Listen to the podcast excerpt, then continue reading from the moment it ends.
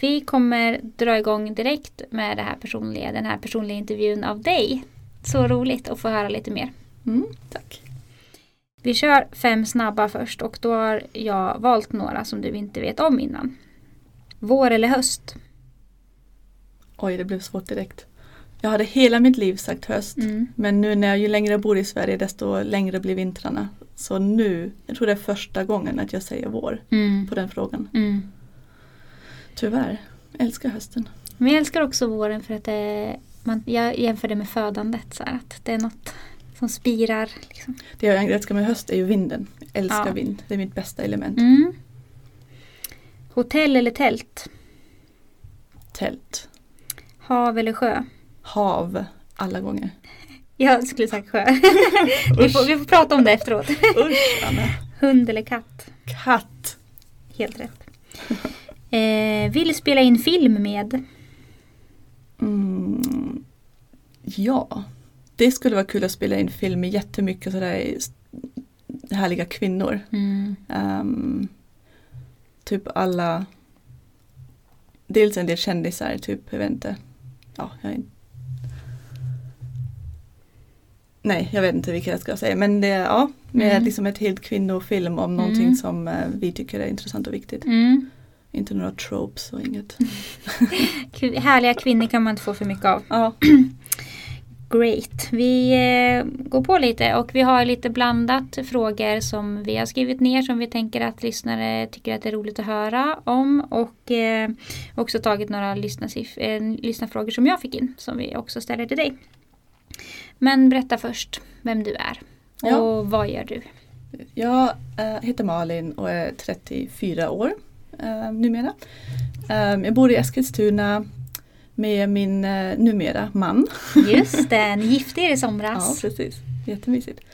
Eh, och två barn som nu är två och fem år gamla.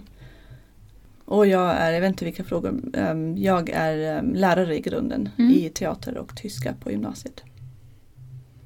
Mm. Vad är det bästa med att vara doula? Eh, Jag märker, och det visste jag inte innan, men jag märker att jag blir så himla jordad av det. Alltså Mm. jag kan vara ganska liksom sådär stressad och har alltid för många projekt och um, läser just nu en master, det vill säga det finns alltid något man borde göra. Men Mm. så. Ehm, och även när jag jobbar så blir det, man blir aldrig klar. Ehm, så jag är ganska lätt att vara sådär uppstressad. Men jag, när jag kommer hem från en födsel, då kan jag liksom sitta med mina barn i sandlådan och bara vara glad och liksom ehm, inte ha massa måsten och tankar och ja, jag blir väldigt lugn och jordad eh, efter födslar. Under födslar också men Mm. det håller i sig lite efteråt. Mm. Och det tyckte jag var en ganska kul upptäckt jag gjorde nu när jag blev doula. Mm. Att, att jag kan ha det där tillståndet. Man är ju väldigt mycket i nuet när man är i rummet. Ja. Timmarna bara flyger Ja. förbi. Alltså väldigt bra mindfulness-träning. Ja, och det är också väldigt lätt. Jag hade liksom, I våras hade jag alldeles för många saker. Men det är väldigt lätt, alltså förvånansvärt lätt att inte tänka på dem när man är med en födande Ja. kvinna. Um, Man måste skönt. vara helt och hållet där. Mm, Mm. Vad fint att du känner att det håller i sig efteråt också. En liten stund. Ja. Om man inte är helt slut. Ja, Då är alltså, man närvarande i sömnen. ja, eller liksom efter jag sovit. Det, håller i sig liksom Mm. ett, ja, men någon dag eller så. Mm. Eller tills det kommer ett jobbigt mail eller något sånt. Ja. Alltså, liksom, så. Varför blev du doula? Ehm, jag har varit lite liksom aktivist innan. Jag har ju det här kontot Tyst jag föder och liksom försökt påverka eller hjälpa eller man ska säga, förlossningsvården. Ehm, men jag kände att jag vill göra något mer på riktigt, alltså mer hands-on och liksom ehm, min, min mål med att vara doula är ju att alla kvinnor ska föda på sina villkor. ehm, som de vill ha det. Eh, och informerade och, och samtyckta och så vidare. Och då kände jag att då kan jag hjälpa några om året liksom. Mm. um, I det riktiga livet. Mm. Skulle du säga att ditt varför är samma i början när du dolade som nu? Ja precis, jag kom ju från, alltså jag har haft ett födslointresse väldigt länge men eftersom jag är lärare så har jag aldrig liksom funderat på riktigt om jag skulle utbilda mig till doula, det går ju inte. Eh, det var först när jag skulle plugga att jag såg chansen. Och jag kommer ju från början från det här som du sa, um, det här liksom lite mer, vad ska jag säga, politiska, att kvinnor ska få bestämma över sina kroppar. kvinnor ska få information och ge informerat samtycke. Um, det hade jag ju då från innan jag blev doula. Så än så länge har det inte ändrats så mycket Nej. skulle jag säga. Det var något jag tänkte på i det. Um, jo, man kan ju lyssna på eh, dina förlossningsberättelser som vi har släppt tidigare i podden och eh, också när vi har pratat om Tyst jag föder. Mm. Så att vi kommer inte gå in på dina förlossningsberättelser men vi pratade Precis. lite om det här i pausen mellan inspelningarna att, eh, att dina upplevelser också ändrats lite sen Mm. du berättade dem. Ja, för jag berättade för dig i podden innan jag blev doula. Och framförallt egentligen innan jag eh, gjorde Spinning Babies Mm. eh, kursen. Eh, alltså sen jag blev doula, jag tyckte att jag visste mycket om, om födslar innan men jag, jag hade ju läst liksom alla de här underbara böckerna. Jag har ju läst mycket mer så nu har jag ju ännu mer kunskap.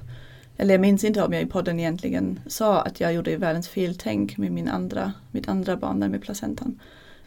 Men sånt har liksom kommit i efterhand. Eh, men just den här framförallt Spinning Babies instruktörutbildningen har ju gjort att jag skulle vilja göra om min första födsel och också se annorlunda på den nu. Mm. Eh, att hon, eh, hon hade inte någon bra position. Eh, och det visste jag, det såg man ju att hon låg snett. Men vad man hade kunnat göra eller vad det innebär eller Mm. alla tecken egentligen. Det var ju, ja men ehm, hon låg i säte och sen var det vattenavgången till en verkare och alla sådana saker. Ehm, så jag tror jag skulle berätta lite annorlunda Mm. idag om mina födslar. Men vi kan väl kort säga bara att eh, du födde båda, har fått båda dina barn hemma. Jo precis. Mm. Ehm, Så då tänker jag att man har väldigt mycket kunskap också. Ja egentligen När man inte. fattar de besluten. Ja egentligen inte. Kanske om eh, andra saker än vad man, vad man tror. Jag tänker så här. Du, måste, du bör ändå ha haft någon förståelse för att det var bra förutsättningar att föda i hemmet. Precis, alltså det jag förstod var ju att det är en naturlig process, att Mm. kroppen kan det, att vi är byggda för det, att det Mm. inte alls är någon, någon dilemma eller farlig eller risk. Man behöver inte vara rädd, Situation. liksom. Precis. Ehm, och att mina hemfödslar, mitt beslut att föda hemma, är, jag brukar säga medfödd. För jag är född hemma och mina syskon och min kusin är född hemma. Jag är från Tyskland, det är lite lite vanligare där. Mm. Eller det är vanligare eh, men fortfarande väldigt låg procenttal. Ehm, och egentligen det att jag inte ville inblandning av någon som har patienttänk. Men också lite sjukhusrädsla. Mm. Alltså att jag verkligen inte ville vara där. Och sen brukar jag också säga att eh, eftersom jag är väldigt smärt, eh, jag är nålrädd och sånt. Så jag är väldigt smärtpåverkad i vissa situationer. Alltså um, omått, alltså o, vet det, onaturligt mycket Mm. smärtpåverkan. När jag ska få sprutor eller jag ska ta bort pl- plåster eller så. Mm. Um, så var jag lite rädd för hur jag skulle hantera en födslosmärta. För det jag fått av min mamma var ju typ berättelser om att brinna upp och rivas isär och det hemska hon visste, det hemska hon visste. Så jag var väldigt inställd på att det kommer göra, göra, det kommer göra dig till ont att föda barn. Mm. Och då tänkte jag att om jag är någonstans där det finns en, P- eh, en EDA då kanske jag kommer be om den. Exakt. Och jag visste en del om risker med EDA Mm. eller nackdelar och jag ville inte ha den. Så då tänkte jag det är säkrast om jag inte ens är där man kan få det. Mm. Så jag känner mig säkrare om jag är hemma och vet att jag får göra det här själv. Mm. Um, och en jätte- jättestor del var ju förstås att ha närvarande kända barnmorskor. Ja. Um, att veta att de inte har någon annan kvinna att springa till. Mm. Så egentligen kan jag säga, egentligen var det nästan lite fler liksom, alltså, saker jag inte ville som gjorde det födde hemma. Mm. Istället för saker jag ville, vet du vad jag menar? ja, absolut. Mm. Sen Det nu var mer saker vet, du ville bort ifrån än Precis. vad du ville ha. liksom. Precis, Mm. eller om, man, om det hade varit liksom så här födslohus och alltså birth centers och kontinuitet och barnmorska som bara en. Och, alltså då vet jag inte, då hade jag kanske varit öppen för en birth center också. Mm. Så, ehm, det var ju det här liksom vara ensam, vara okänd, propsa på saker jag inte ville. Så det var Mm. jag rädd för. Ehm, det finns pull och push um, factors heter det. Eh, Det, Mm. var, det var kanske lite fler push factors Mm. för mig än Mm. pull factors. Nu när jag vet om fysiologisk födsel och alla hormoner och allt sånt. Då blir det mycket mer självklart eh, att föda hemma även i framtiden ifall det blir fler barn. Mm. Men sånt visste jag inte då. Och jag visste inte heller om räds rädsla och smärta. Och hembarnmorskor i Sverige ger ju inte någon profylaxkurs utan Nej. man liksom pratar igenom vad man önskar utifrån det man, man själv har läst på. Ehm, så jag visste egentligen inte så mycket om att föda och jag visste ingenting om amning. Nej. Så att ja, Men jag tänker att du säger att du har det liksom med dig eh, från din, liksom hur din mamma födde och andra runt omkring i Tyskland. Tänker jag, den liksom kulturen spelar så stor roll. Alltså Mm. vad man har med sig för bild av vad födande är för någonting. Mm, Precis. Eh, jättestor inverkan tänker jag. Och foton från födslarna liksom, um, om mig och mina syskon. Och, ja. Och min mamma har berättat, jä- även om det gör gör ont på henne så har hon ju berättat jättepositivt Mm. om att föda hemma. Mm. Vad hade du gjort om du inte var dola? Det kan ju folk gissa lite nu utifrån vad du berättar. Ja, jag har jobbat som lärare. Um, men um, ja, vi får se vart livet leder mig om jag inte jobbar som doula sen. Mm. Jag är ju teatermänniska från början och har halkat in lite på det här med lärare. lärare. Mm. Eh, Och lite som du sa i, för, i ditt avsnitt att um, jag jobbar hellre med, eller helst med vuxna. Så ja, Mm. Och det leder oss in på den här frågan om din favorithobby. Skulle du säga att det är teater? Eller har du Nej, något tyvärr, annat? tyvärr inte. Alltså jag har gjort jättemycket teater när jag var yngre och när jag pluggade i Stockholm så ledde jag en improgrupp som var otroligt härlig och eh, min bästa tid och så vidare. Men jag har inte hittat tillbaka till teatern Nej. sen liksom jobbets allvar och sånt. Så att ehm, det skulle vara kul att spela teater igen men jag har inte hittat något sammanhang där jag kan göra det. Nej. Eh, Däremot älskar jag klättring. Mm. Och det är också något jag behöver hitta tillbaka till sen jag fick barn för jag gjorde pauser och så. Men um, älskar att klättra. Jag upptäckte som vuxen. Under hela min barndom har jag testat alla idrotter och aldrig fastnat för något. Men det är något som jag gillar. Jag är inte så bra, jag är inte så stark och jag skulle aldrig kunna dingla på mitt liksom pekfinger. Men otroligt kul. Jag Det älskar höga höjder. Mm. Ja, jag älskar liksom adrenalin och Mm. älskar. Jag hatar höjder men klättra är jättekul. Ja. Alltså verkligen. Och den här känslan när jag började klättra utomhus också. Um, alltså egentligen kan man ju klättra upp för helt galna saker, eller Mm. träd eller klippor. Vi människor, alltså kroppen kan det, sen vågar vi inte det utan rep. Men den känslan att hänga där på en klippa vid liksom Ryssgraven, det är otroligt fint också i Stockholm här med vattnet nedanför. Och, och kände att jag skulle kunna gå upp här utan rep. Liksom. Jag skulle kunna klara det. Mm. Helt fantastiskt. Mm. Vilken känsla. Ja. Ja det får du verkligen ta upp. ja, verkligen. Finns det något bra ställe i Eskilstuna? Eh, Det finns en, eh, vad jag har hört, eh, aktiv klätterklubb med en, vad jag har hört, fin hall. Mm. Och utomhus finns väl lite grann. Men jag tror inte lika mycket klippor som i Stockholm. Nej. Stockholmsområdet är väldigt, väldigt bra. Mm. Och ifall det är någon lyssnare som klättrar. mitt bästa tips om klättring är ju att när man är föräldraledig. det finns sådana grupper på Facebook eller någon grupp. Föräldralediga klättrare eller så. Den Mm. upptäckte jag tyvärr två månader innan jag var klar. Där man liksom hänger i klätterhallen, bebisarna ligger i mitten eller någon vaktar dem och de andra klättrar. Otroligt fint. Ja men så grymt. Mm. Det borde jag ha gjort mycket tidigare. Mm. Vad skulle du säga är det bästa med att vara doula Malin? Vad tycker du? Ehm, ja men jag gillar verkligen det här. Det är så, vad ska man säga, så självklart. Alltså det här, det är ett barn och det ska komma till världen. Och det är så, ja, nu låter jag kanske spirituell, jag är inte spirituell. Jag kanske håller på att bli det men. ehm, Alla den här, är det. Ja, men den här, liksom, den här processen, den här mamman föder sitt barn, det här barnet föds just nu och vi alla hjälper till och vi alla gör vad vi kan för att liksom stötta det här. Um, det är en otroligt fin, en ganska mäktig känsla liksom. Eh, Lite sådär, ja men det är inte vi som bestämmer, det är inte vi som påverkar. Det är vi som kan hjälpa till eller liksom förenkla eller så. Men det är ju det här stora moder natur eller gud eller vem det nu är man tror på. ehm, som, som styr där. Mm. Eller bebisen, vad man, Mm. ja, beror på hur man ser det. Det är ganska häftigt. Mm. Och väldigt det här som vi pratade om tidigare, det här man är supernärvarande. Um, ja, men så självklart alltihop. Jag tycker allt är så självklart. Det gillar jag. Eller hur? Fint det här teamet runt kvinnan när man känner det teamet att det finns där. Alla tror på henne och alla liksom bara Mm. jobbar för att de ska få det så bra som möjligt. Mm. Det är härligt. Hur vill du jobba om tio år? Eh, Jag drömmer lite om uh, något som jag ska lansera senast, eller testa senast om ett år. ehm, är att ehm, ge svenska kvinnor samma förutsättningar som tyska. Mm. eh, postpartum. Alltså jag skulle gärna jobba med profylaxkurser, ehm, fysiska på plats i grupp och sånt. Det tror jag skulle vara jättekul och givande. Och sen vill jag vid- dra vidare den kursen till postpartum. För i Tyskland så har man sådär kurser i grupp. Då är det inte partners längre för de är ju ofta tillbaka på jobbet. Men Eh, där man gör lite bäckenbottenträningar och lite magträningar och pratar om födslarna och liksom bebislivet och, ehm, och sånt. Och ofta, eller i alla fall om man till exempel föder hemma i Tyskland, då gör ju hembarnmorskan hela um, graviditetsvården, alltså MVCs uh, eh, vård.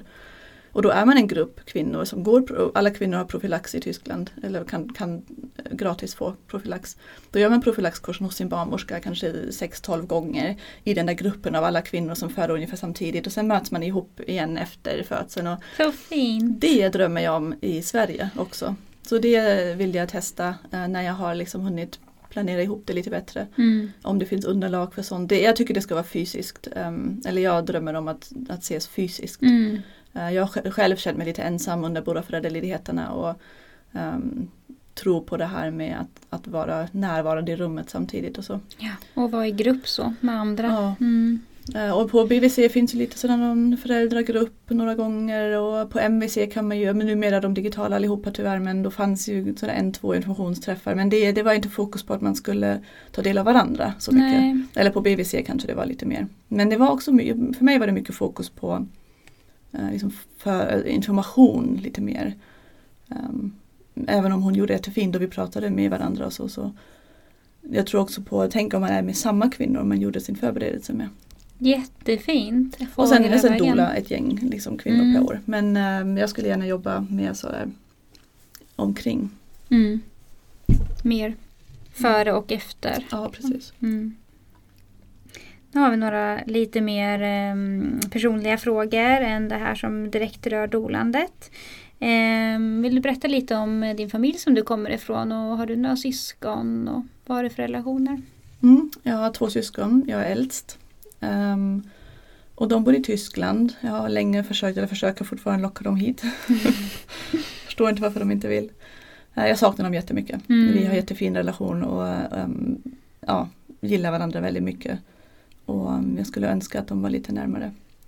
Ehm, jag, brukar, jag har ju valt att stanna i Sverige för 12 när jag, jag kom till Sverige för 12 år sedan ehm, och valde att stanna efter ett halvår. Eh, och då var min syster 14 och min bror 17. Så att ehm, jag brukar säga att hade jag vetat då att de skulle bli så härliga vuxna så hade jag kanske ja, inte flyttat så långt bort. Har de barn? Nej, ingen av dem. Nej. Både tyvärr och som tur är. Alltså, jag är väldigt glad för att mina barn har så, har liksom eh, morbror och moster som älskar dem överallt och alltid tar tid för dem när vi ses. Mm. eh, Och inte själva är trötta. Nej, precis. Så att eh, det är jag väldigt glad för och sen tycker jag lite praktiskt, alltså det hade varit jätte- jättemysigt, vi har pratat om det, det hade varit så himla mysigt att få barn i samma ålder. Mm. Um, men, och det är det ju när de är lite äldre. Men just när de är bebisar så skulle vi inte kunna ses om vi Nej. hade bebisar båda två. För nu när jag har fått bebisar då har ju mina syskon kommit till Sverige. Och när, du sen, de, när de sen får bebisar så kommer jag ju åka till dem. Mm. Så att um, för bebistiden är det lite um, enkelt. Min syster har faktiskt bott i Stockholm i fem månader när, när jag var föräldraledig med min Mm. första. Och det var så otroligt fint. Inte hos oss utan eh, hon har bott själv liksom och läst lite svenska och så. Mm. Eh, Och den tiden, de har ju också haft ett band då, eller har det kanske fortfarande, som är helt, helt otrolig. Mm. Men det är det om man har syskon som själv har barn, när man själv, om man själv också har barn, så eh, blir det svårt att liksom lära känna dem verkligen ordentligt. Mm. Alltså, de barn som föddes i vår syskonskara innan jag själv fick barn har jag, känner jag ju mycket bättre Mm. än de som har fötts efter jag fick min son. Mm. För att man är så upptagen av sitt eget barn och man är trött och är, vi har tio ungar bland oss. Sex liksom, så att Mm. jag fattar vad du menar. Jag också att ehm, jag har ju fått mycket, alltså, eh, eftersom vi bor så långt ifrån så när vi ses ses vi länge och det Mm. tycker jag ändå är att jag skulle tror inte vilja bo direkt grann, alltså granne kanske, men om man bor så en halvtimme ifrån eller en timme ifrån Mm. Då kanske det blir att man ses någon eftermiddag eller någon helg eller någon helgdag, några timmar. Men det som vi har det är så fint, vi ses ju liksom sådär en vecka i sträck, två Ja. veckor i sträck, morgon, kväll, sova, Då vakna. kan det bli väldigt intensivt. Väldigt, ja, och, och väldigt, men också väldigt nära. Alltså Ja. jag upplever att mina barn har väldigt nära relation till min familj trots att Mm. de bor så långt borta. Men till exempel när vi då har liksom varit ihop em, så länge under bebistiden och så. då har ju min bror har burit och min syster har burit och min mamma har liksom testat bära. Mm. Eh, och liksom alla går runt med, eh, alltså bara bära bebisen Ja. timmars timmar. Ja. Eh, och man får, när jag åkte hem liksom fick jag alltid sådär en, två veckors lite bärvila. Mm. Um, för man sitter ändå bara och ammar Mm. massor med tid. Så om jag då, eller om de hade haft en bebis, eller om jag om de har fått bebisar när jag hade en ettåring så kanske jag inte varit så pigg Nej. bara runt på den bebisen. Men Nej, nu ser jag fram emot när de får barn någon gång. Att jag kommer gå dit och bara bära det där barnet. Exakt, liksom, bebiskosa.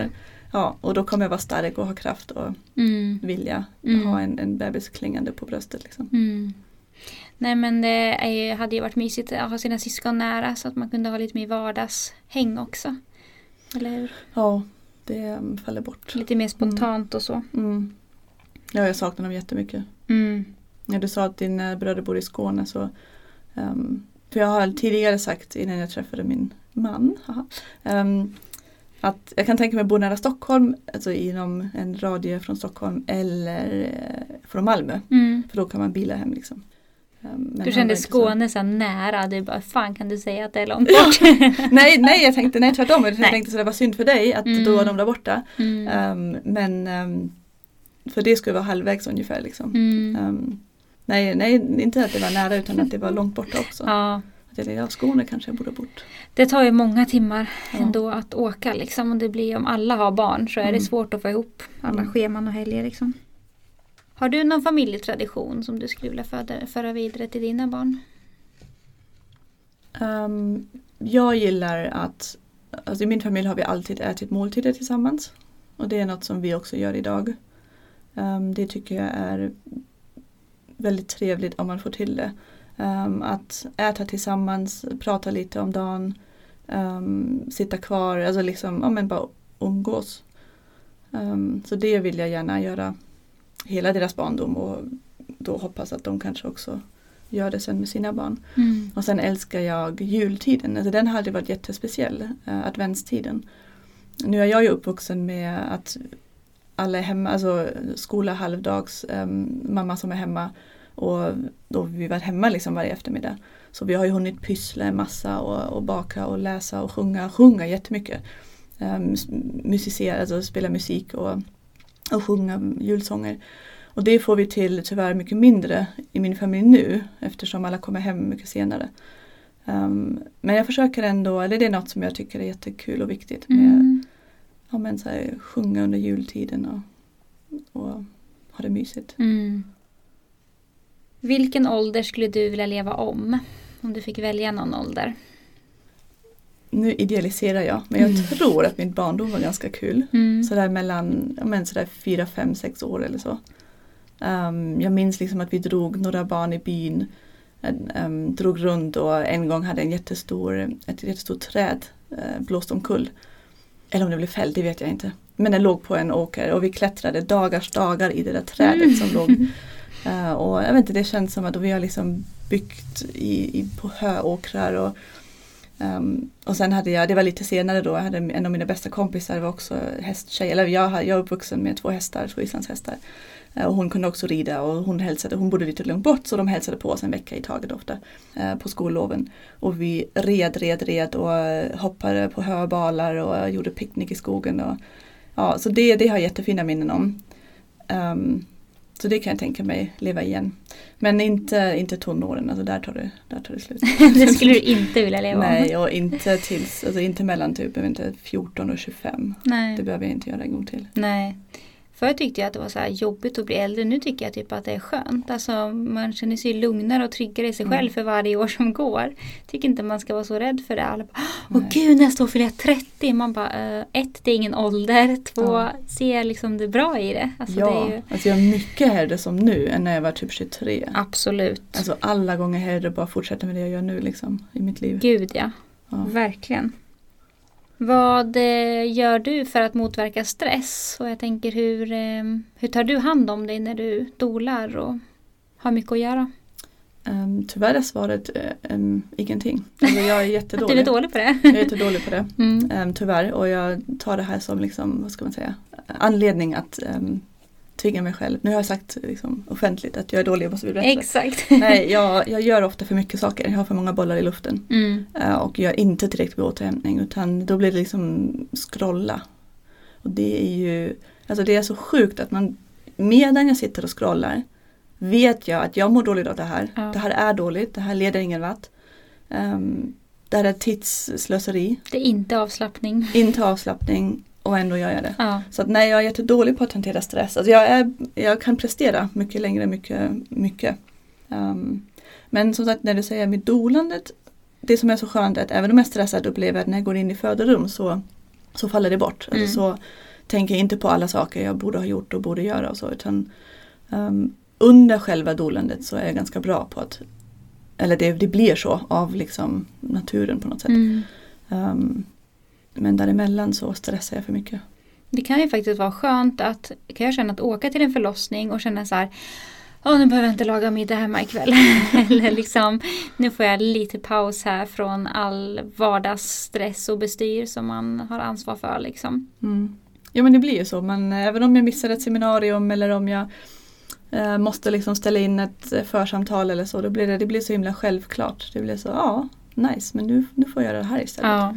Det här är ju verkligen ett sånt tillfälle när man ska åka på en födsel där man måste bara ställa in allting. Mm. Eh, det är som om eh, ens barn skulle bli sjukt. Man måste bara släppa Mm. allt och åka och hämta. Liksom. Mm. Mm. Säg tre saker som du skulle ta med till en ö.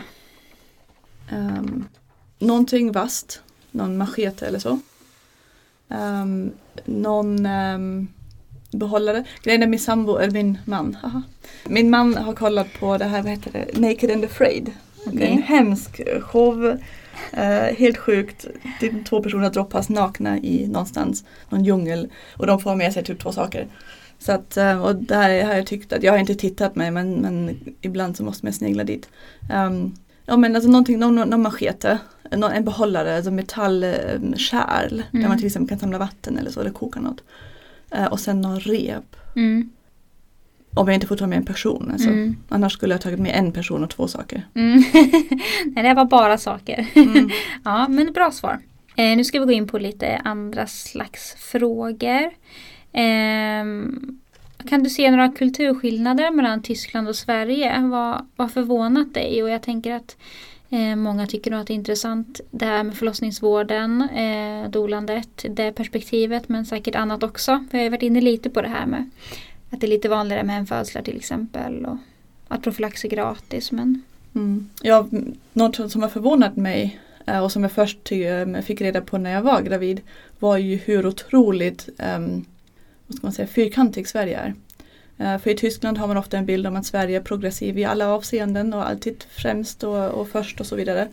Um, Men vad gäller sjukvård så kan jag inte bekräfta det. Um, Då tycker jag att Sverige är väldigt ja, fyrkantig och väldigt mycket alla ska få samma, um, inga alternativ.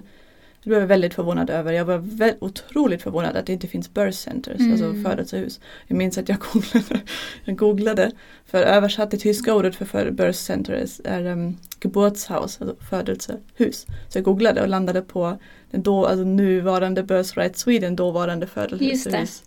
Um, lite organisationen. missvisande namn. Väldigt missvisande och jag fattade inte vad de höll på med och jag skrev liksom okej och tänkte i Göteborg finns det ett birth center liksom. Och då tänkte jag men var finns de andra? Liksom, jag bor i Stockholm, vad, vad gör jag? Och sen fick jag då svaret att nej vi är en organisation. ja. Besvikelsen var Jätte- stor. Ja, och sen liksom, jag kunde ju förstås svenska flytande men inte några begrepp som har med graviditet och födsel att göra. Nej. Så jag googlade ju liksom hemfödsel eller något sånt. Och kom typ via artiklar i Expressen till att hembarnmorska är ett ord. Och googlade och sen hamnade jag på någon sida där några samlades som Ann Petrén tror jag håller i. Eh, Alltså det var väldigt, väldigt mycket förvåning och googlande och när jag sen förstod att jag behövde betala det privat då var förvåningen ännu då var större. förvåningen ännu större. I Tyskland då följer ju en förlossningspeng med kvinnan Ja. vart hon än vill föda. Um, och nu måste man säga i Tyskland går det nerför, bäck- nerför, nerför jättemycket också. Alltså födelsehus stänger och hembarnmorskor går ur, ur business för att de tvingas, ja helt sjukt, det ska prata om en annan gång. Mm. Men eh, i alla fall är tanken kvar i Tyskland att varje kvinna, alltså den skattepengspotten, då följer henne Mm. dit hon vill Mm. föda. Um, så, men, Som i England. Ja. Mm. ja, fast i Tyskland, jag vet inte så mycket om England, men um, en del hemfödslar där är ju också lite som i min barnmorska att personal från sjukhuset skickas ut till en Ja. hemfödsel. Och om det till exempel är tajt, um, nu var det under pandemin och så var det mycket i England att de har haft så dåligt, eller de har ju också barnmorskeflykt, det har ju alla Mm. länder. Um, att de inte haft kunnat um, ta hemfödslar för att barnmorskorna behövs på sjukhus. Men Mm. i Tyskland tror jag att det är lite vanligare att det faktiskt är fria barnmorskor. Okej, Jag tror inte det är så vanligt att de åker ut från sjukhuset. nej. Födelsehus bemannas ju också av fria barnmorskor då. Mm. Mm. Så det skulle du säga är de stora Mm. kulturella skillnaderna som du upplevde när du... Ja och lite allmänt liksom att jag upplever svenska kvinnor ehm, Alltså jag upplever att tyskar generellt är mer ska man säga, kritiska, tar saker i egna händer, eh, söker upp alternativ och så vidare. De tar, tar ansvar lite för vad de gör med sin hälsa. Um, nu vill jag inte generalisera men det finns, jag tror att det finns fler som gör så i Tyskland Mm. än i Sverige. Så jag blev också lite förvånad över hur få det verkar finnas i Sverige som, som tar ansvaret fullt ut för att leta upp, inte bara i födselsammanhang utan i alla möjliga hälsosammanhang. Att inte bara ta det här schema Nej, ja, som, som vården erbjuder utan fundera själv. Mm, vad är allra bäst för mig och vad Mm. behöver jag? Så jag tror att tyskarna, jag tror att tyskarna generellt är också lite mer um, auktoritets, um, vad heter det? Eller tvärtom, jag tror att svenskar är lite mer auktoritets um, uh. Ja. Så, att, att ni lyssnar lite mer när någon auktoritet säger något och jag Mm. upplever att tyskarna är lite mer tänka själv, um, Ifrågasätter lite. ifrågasätter lite. Nu kan det vara så att jag bara pratar om min bubbla i Tyskland, jag vet inte. Mm. Men uh, ja, Mm. lite sån känsla har jag. Det är intressant när du nämnde det här med jämlik vård och att det ska vara så lika för alla. Att det är så väldigt känsligt om det blir orättvist. Mm. Det där är verkligen en så grundvärderingsfråga. vad är rättvist när alla får lika mycket Mm. eller när de som behöver får lite mer Mm. får lite mer. Ja, jag minns att jag blev så besviken 2000 när, när la Södra BB ner? 2016 eller något sånt? Mm. Ehm, eller i alla fall för några år sedan la Mm. Södra BB ner i Stockholm. Mm. Och då var det någon, någon person i tidningen Arbetet eller så. Ja, i någon vänster- 2016 la ju BB Sofia ner så det måste ju varit ti- tidigare som eh, BB, Södra BB la ner. Eller? Ja, vi har ju ett avsnitt om det i alla fall. Ja. ABC-kliniker kan man Just lyssna på. Där har ni svaret. Men i alla fall för några år sedan då tidningen Arbetet är ju en vänstertidning och då var det någon gubbe då, en man som tyckte att det var jättebra att den lades ner för typ lattemammorna på Söder ska inte få en bättre vård. Alltså typ om alla andra måste dela sin barnmorska med andra då ska inte de lattekvinnorna på Södra BB få en barnmorska under hela födseln. Det var hans argument för att det var bra att lägga ner Södra BB. Vi var sådär, ja det är typiskt svenskt. Ja, Alla ska ha exakt samma även om det är dåligt. istället ehm. för att försöka se till att alla får ha det så bra. Exakt, och om man inte är där så är det väl bra om i alla fall några alltså jag förstår ju klassperspektivet men man kan ju inte Det är ju helt fel tänkt att Mm. bara okej nu måste alla in i det här Det här som vi vet är sämre Ja. liksom. Ja. Ja, vansinnigt. Men berätta lite Malin, vad är dina go-to-verktyg när du dolar? Vad använder du mycket? Um, egentligen mest händerna faktiskt. Ja. Jag har ju alla möjliga saker i, i, um, i väskan. Så det är olja och kammar och sjalar och, och så. Men, eh, och sjalarna använder jag för att dekorera mycket, alltså hänga över liksom. Mm. um, utrustning och så. Men eh, det är mycket händer och att vara nära, nära, nära. Mm. Um, det är mitt bästa. Så även om jag skulle behöva åka express till någon som inte har min väska med så skulle jag känna mig ganska redo Exakt. um, att dola. Verkligen. Man kan ju använda substitut för sjalen och Mm. paret kanske har en massageolja eller det kanske finns på sjukhus. Eller Mm. liksom. Det är verkligen som du säger, det är händerna. Och jag är, jag tror att jag är också um, för de som vill, men de flesta vill ju det, um, nära liksom. Har Mm. ofta mycket kroppskontakt på Mm. något sätt. Så. Finns det någon, eh, eller vad tänker du? Varför informerar de inte på MVC att man kan ha en doula med sig? Det är en, en väldigt bra fråga. Um, Vi undrar också. vi undrar också. Mm. Snälla. Svara oss! Precis, snälla. Alltså jag försökte ju när jag då skulle göra reklam i Eskilstuna om att Dola-gruppens eh, filial nu finns där. Um, så kontaktade jag alla MVC och alla liksom på alla ställen. Eh, mottagningar på sjukhus och fick ju blankt nej. Eller de fick sådär, vi pratade med vår chef och sen fick jag tillbaka blankt nej. Och då var argumentet att det på landstingets um, enheter inte får ligga någon information om privata aktörer. Um, och det tycker jag är väldigt, väldigt kortsiktigt tänkt. Alltså inte bara för att min, liksom, mitt företag beror på det. Men också alltså, om landstinget inte erbjuder vattengympa, inte erbjuder gravidyoga, inte erbjuder profylaxkurs, en ordentlig. Då måste de väl ta in, alltså eh, liksom lägga ut information om externa. Mm. Om det var så att landstinget tillgodosedde alla dessa saker och stödpersonen under födseln eller en doula eller så. Då kanske man skulle kunna säga att ja men vi vill inte komma. Ja i grunden är jag förstås för, alltså emot privatisering av vården helt klart. Mm. Så jag förstår ju tanken med att man inte vill ha privata aktörers reklam på landstingsmottagningar. Men på samma sätt som man får söka vård i ett annat län om vården inte ges i ens egen län så måste det vara att om landstinget inte till- tillhandahåller alla de här sakerna då Mm. måste väl de kunna ta in liksom annan reklam. Ja och eftersom kontinuerligt stöd har så himla mycket evidens Mm. och det saknas i vården så känns det som att det är att undanhålla jätteviktig information. Ja. Faktiskt. Och det är ju återigen, alltså jag förstår ju att barnmorskan på MVC kanske också känner att det är en klassfråga. Att hon liksom säger att det finns en doula du kan köpa för pengar du inte har. Ehm, men det är återigen som han med Södra BB, alltså om man då tar bort det för alla, det är fel tänkt. Mm. Då kan man hellre fundera på hur kan vi finansiera för de som inte har råd. Eller vi i Doula-gruppen har ju startat det här donationskontot där vi tar emot donationer ehm, och när vi har en full pott så får en familj Mm. ehm, en, en mycket, mycket, mycket rabatterad doula-tjänst. Men Mm. sånt kan väl landstingen också göra. Ja eller hur. Eller liksom öronmärka några medel för de som eh, inte har råd. Nej det är väldigt konstigt. Så gammaldags tänk och det känns som att så här, för att det alltid har varit så här så ska det vara så. Mm. Alltså man är inte så villig till förändring direkt. Och eh, jag vet inte hur många barnmorskor som jobbar på MVC som orkar så driva den förändringen. De Mm. har sitt jobb som de går till liksom. Ja och de är väldigt överarbetade också. Alltså när man hör liksom hur många klienter och att de har typ jättelite tid per kvinna och nej, det är ju svårt. Mm. Eh, varför tänker du att det är viktigt att få positiva och stärkande upplevelser av att föda? Eh, Jag är helt övertygad om att ens förlossningsupplevelse liksom följer med. Absolut in i den liksom närmsta föräldraskapstiden. Men jag tror genom hela livet. Eh, Det finns ju en sån liksom, ordspråk eller vad man ska säga. Att eh, alla kvinnor minns den dagen de födde. Mm. Och det kan man också när man frågar, är det släktingar? Alla minns hur det var när de födde barn. Ja. Så att jag tror att om man har känslor av att ha varit lite överkörd eller maktlös eller rädd eller så. Så är det man har med sig väldigt länge. Ehm, och det tror jag påverkar negativt. Om man tänker på den liksom, närmsta föräldraskapstiden så är jag så himla övertygad om att man har lättare att läsa sitt barn, känna sig tillräcklig för sitt barn, eh, kunna liksom trösta och, och tillgodose behoven och så vidare Knyta an. om ja, knyta an, om man känner att man är den bästa föräldern. Och där tror jag att det, om man då under födseln har fått en känsla av att jag kan inte det här, jag behöver räddas, min kropp är fel, min bebis är fel, ehm, det kändes inte bra, jag blev överkörd eller så. Då, då har man en mycket brantare backe till att komma till att jag är den bästa för den här Mm. bebisen. Eh, och min intuition, det är, att ha en bebis kräver så mycket intuition.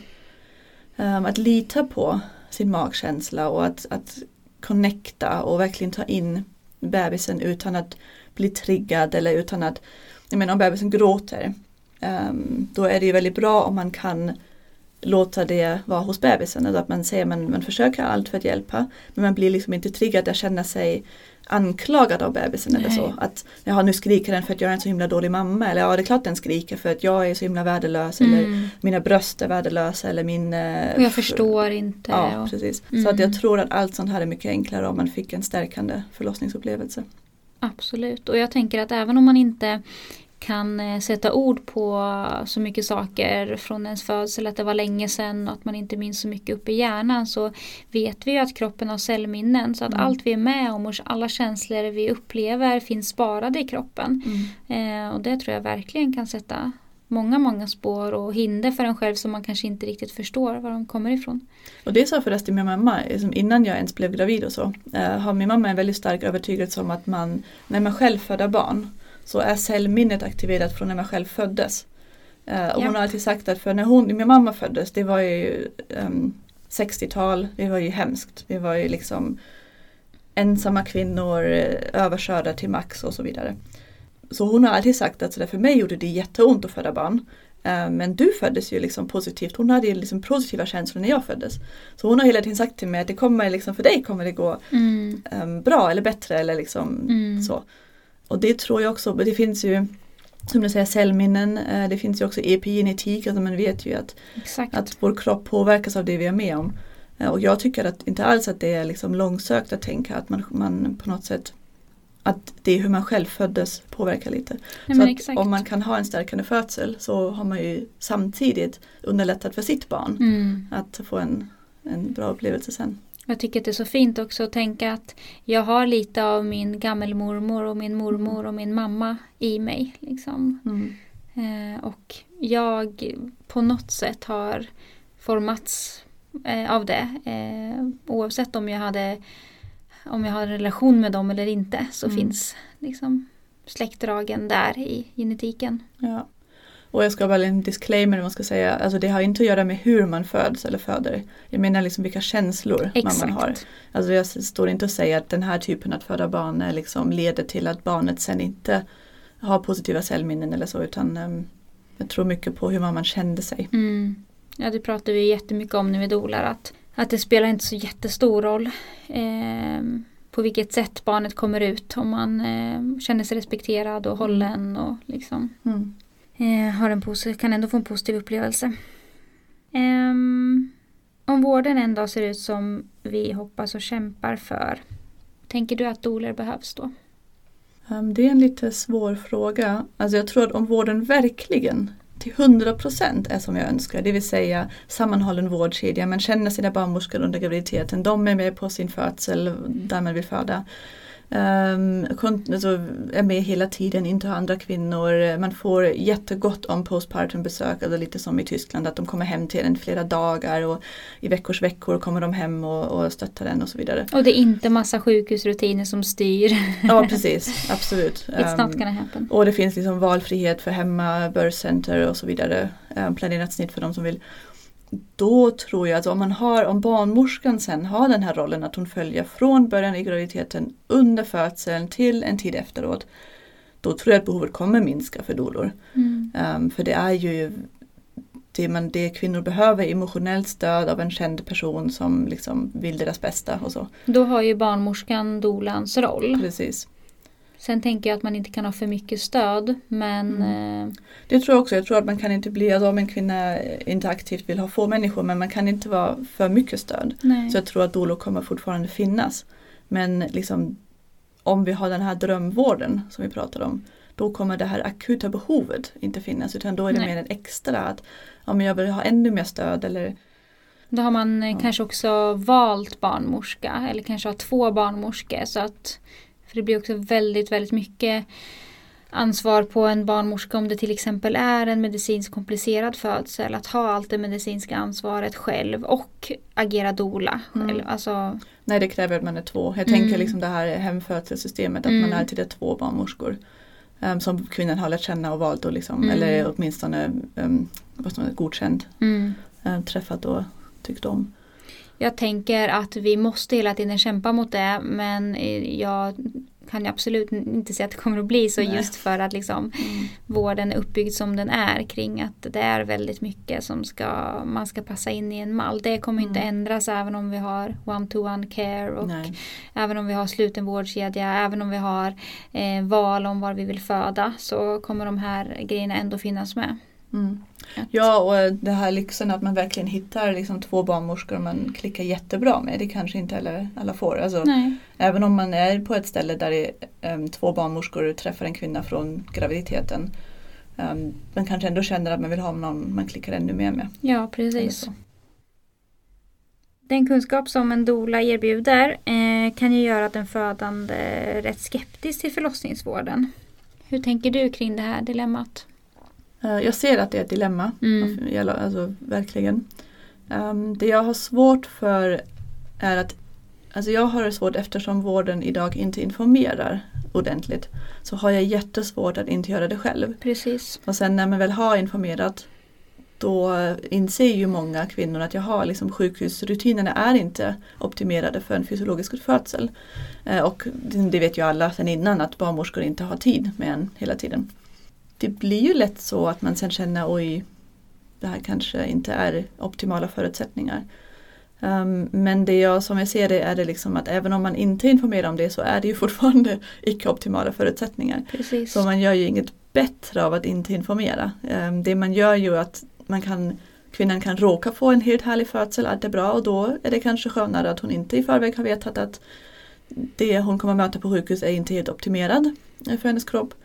Um, men många skulle i så fall uppleva en kontrollförlust eller förvåning eller ja, bli, bli satt i en sits där de ska ge samtycke till saker de inte alls har hört om um, på plats. Mm. Och då tar jag nog hellre det innan. Och sen jobbar vi tillsammans med, sådär, om en, en klient blir lite rädd då kan vi jobba med sådär, okay, vad gör dig rädd? Till exempel ja, att barnmorskan, att jag inte gillar barnmorskan eller att jag är främmande barnmorska. Och då kan vi jobba med, ja men då kan du byta, liksom. du kan alltid veta att du kan byta. Då kan vi ta det, om vi vet vad hon är rädd för eller vad det är som skulle kunna sätta käppar i hjulen. Då kan vi jobba och göra en plan B, göra Ja, många är också så himla rädda för att bli rädda. Och förut har jag tänkt väldigt mycket att jag har alltid sagt det till klienter att men efter vårt andra församtal när vi har pratat om allting då ska man känna sig så peppad och redo inför förlossningen. Alltså senaste månaden har det ändrats för mig efter så här många år. Att liksom, nu tänker jag så här, men jag är glad om du går härifrån och känner dig peppad, osäker på samma gång, förvirrad, överrumplad, korvstoppad. Alltså alla de känslorna. För det möjliggör ju att man kommer vidare i sin process. Mm. Vi är så himla insnöade på att vi ska inte skapa onödig rädsla. Och, alltså, varför kan inte kvinnor få känna sig rädda? Och så tar mm. vi hand om de känslorna. Mm. Låter dem få plats och jobbar med dem. För att de rädslorna blir inte större för att vi blundar för dem. Mm. Och de kommer att potentiellt, ganska stor risk att de kommer upp under födseln om, och blir ännu värre om man inte har pratat om det innan. Mm. Så att vi måste ju tillåta de känslorna också. Mm. Och jag tänker att någon som anlitar en dola har ju gjort ett steg i att vilja veta och vilja förbereda sig. Um, och då vore det, jag upplever att det vore liksom lite tjänstefel av mig om jag bara var, ja okej okay, hur vill du ha det, okej okay, skriver ner allt, vad bra då gör vi som du vill. Ja. Utan att erbjuda någon slags, um, vi har ju gjort i, i Dora-gruppen, i Dora-gruppen gör vi så att vi erbjuder liksom länkar och sånt. Sådär. Om du vill läsa på om det här kan du börja på de här länkarna eller googla det här. Så att vi säger ju inte sådär det här är bra, det här är dåligt utan Nej. vi försöker ge allsidig information. Vi har liksom länkar till, ja, till alla möjliga källor. Liksom. Mm. Um, där klienterna kan göra lite i egen takt och i egen, vad som är viktigt för dem. Mm. Men jag känner att det vore lite tjänstefel att inte informera om vad man kan göra för att optimera, alltså för att liksom motverka lite det som kan bli ett hinder mm. på sjukhus eller för självbestämmandet på sjukhus. Vad tänker du att en partner kan förvänta sig eh, när det kommer till stöd från dolan? För många har ju ändå inställningen att så här, men det ska bara vara vi två och vad ska en tredje person göra där och det här är ju intimt och något som sker bara mellan oss. Vad tänker du att dolan kan tillföra? Um, det jag har upplevt hittills är att, um, eller mitt mål är ju förstås kvinnans behov står i, på högsta plats eller i centrum. Uh, och alla i rummet ska liksom um, jobba för kvinnans behov. Uh, och näst är ju partnern, partners behov och jag försöker baka ihop de två.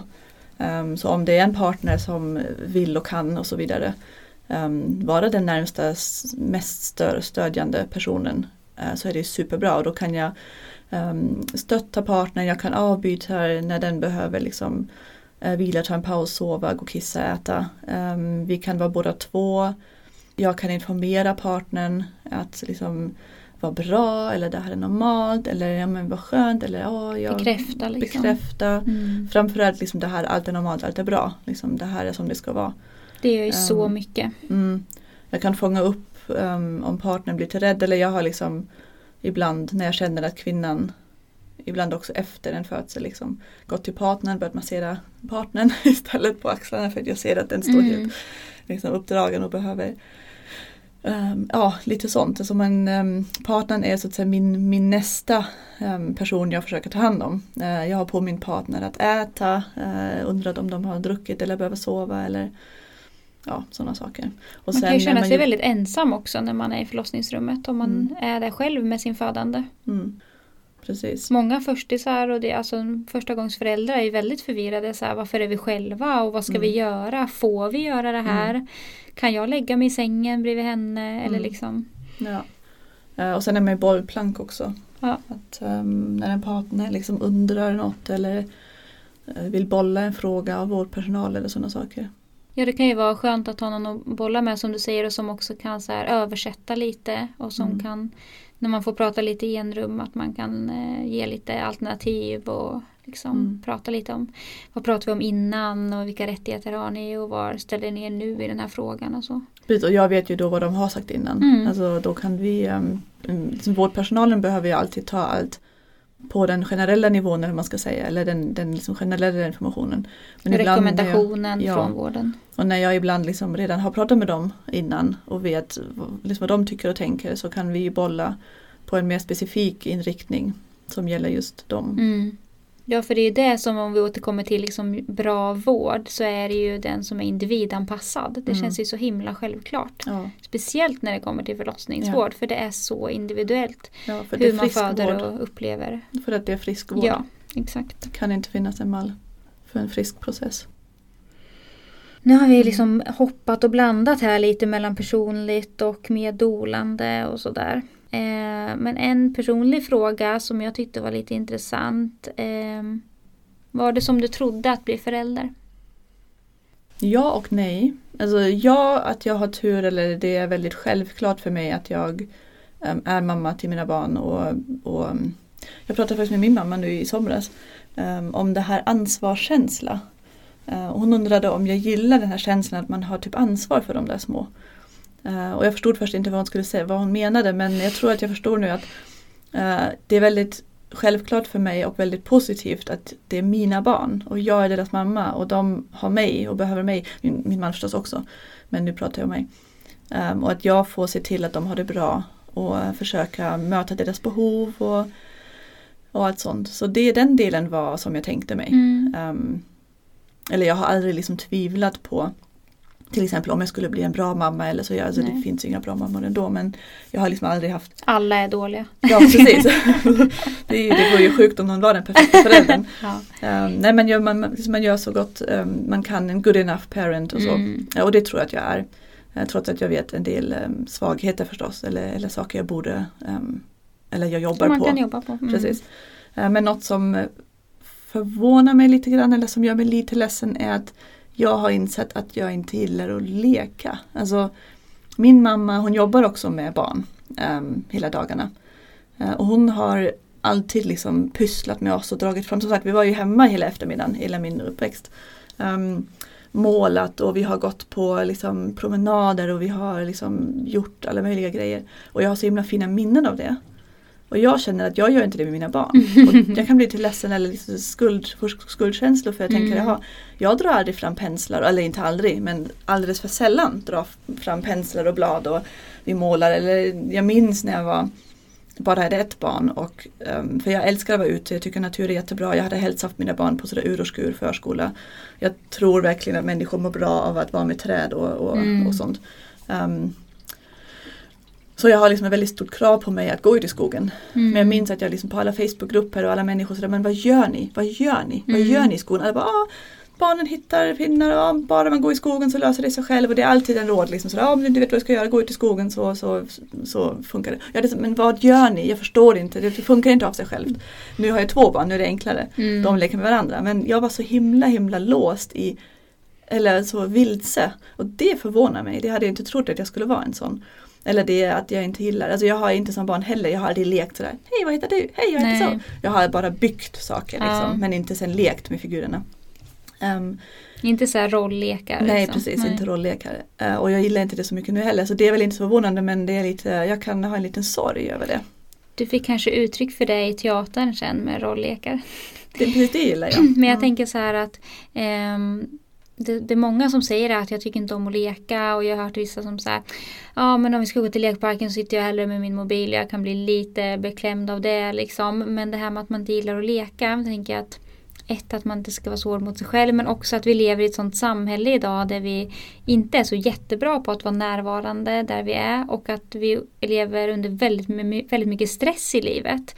Vilket gör att det blir svårt att njuta av varje stund och mm.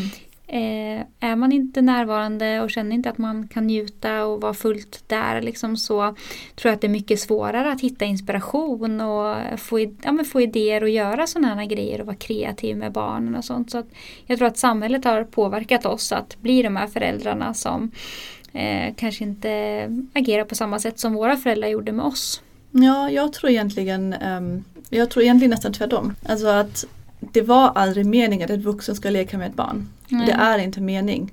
Meningen är att man lever i en grupp och så leker barnen med varandra. De mm. yngre med de äldre, de yngre får stryk och får följa med eller inte. Alltså liksom, um, ingen frågar en tvååring. Ja så är det Vad verkligen. vill du göra? Vill du göra det eller det eller det? Mm. Liksom. Uh, ska vi gå till skogen? Och sen står det en vuxen där som inte har något att göra i skogen. Det är det. Jag har inget att göra i skogen.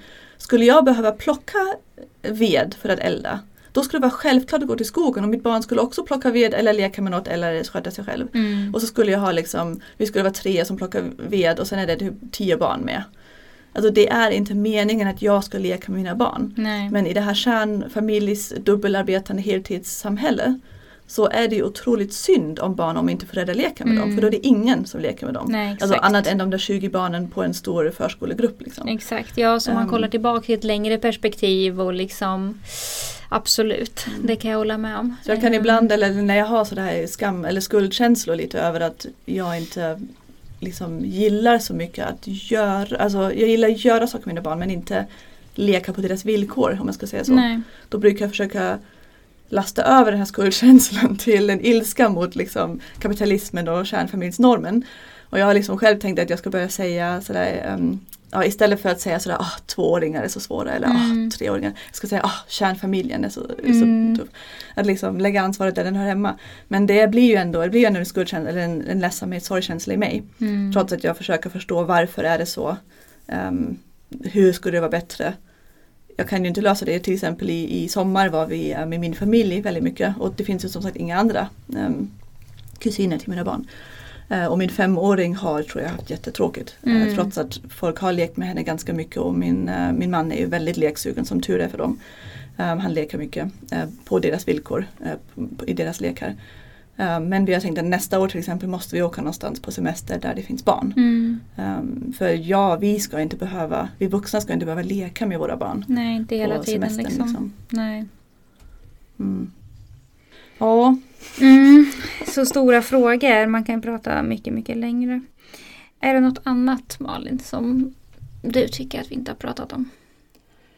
Nej, jag tyckte det var jättekul att läsa alla, um, alla frågor vi fick in. Eller hur? Det var svårt att välja. Mm, det var det faktiskt. Om um, ni tycker att vi inte har svarat på någonting som är jätteviktigt och mer personligt så får ni gärna skicka det till oss. Vi kan ju inte riktigt ta emot alla frågor om så här vad gäller på Stockholms kliniker just nu och så för då skulle vi behöva sitta här hela dagen och podda ja, och jag börjar känna lite i mitt bäcken att jag vill stå upp.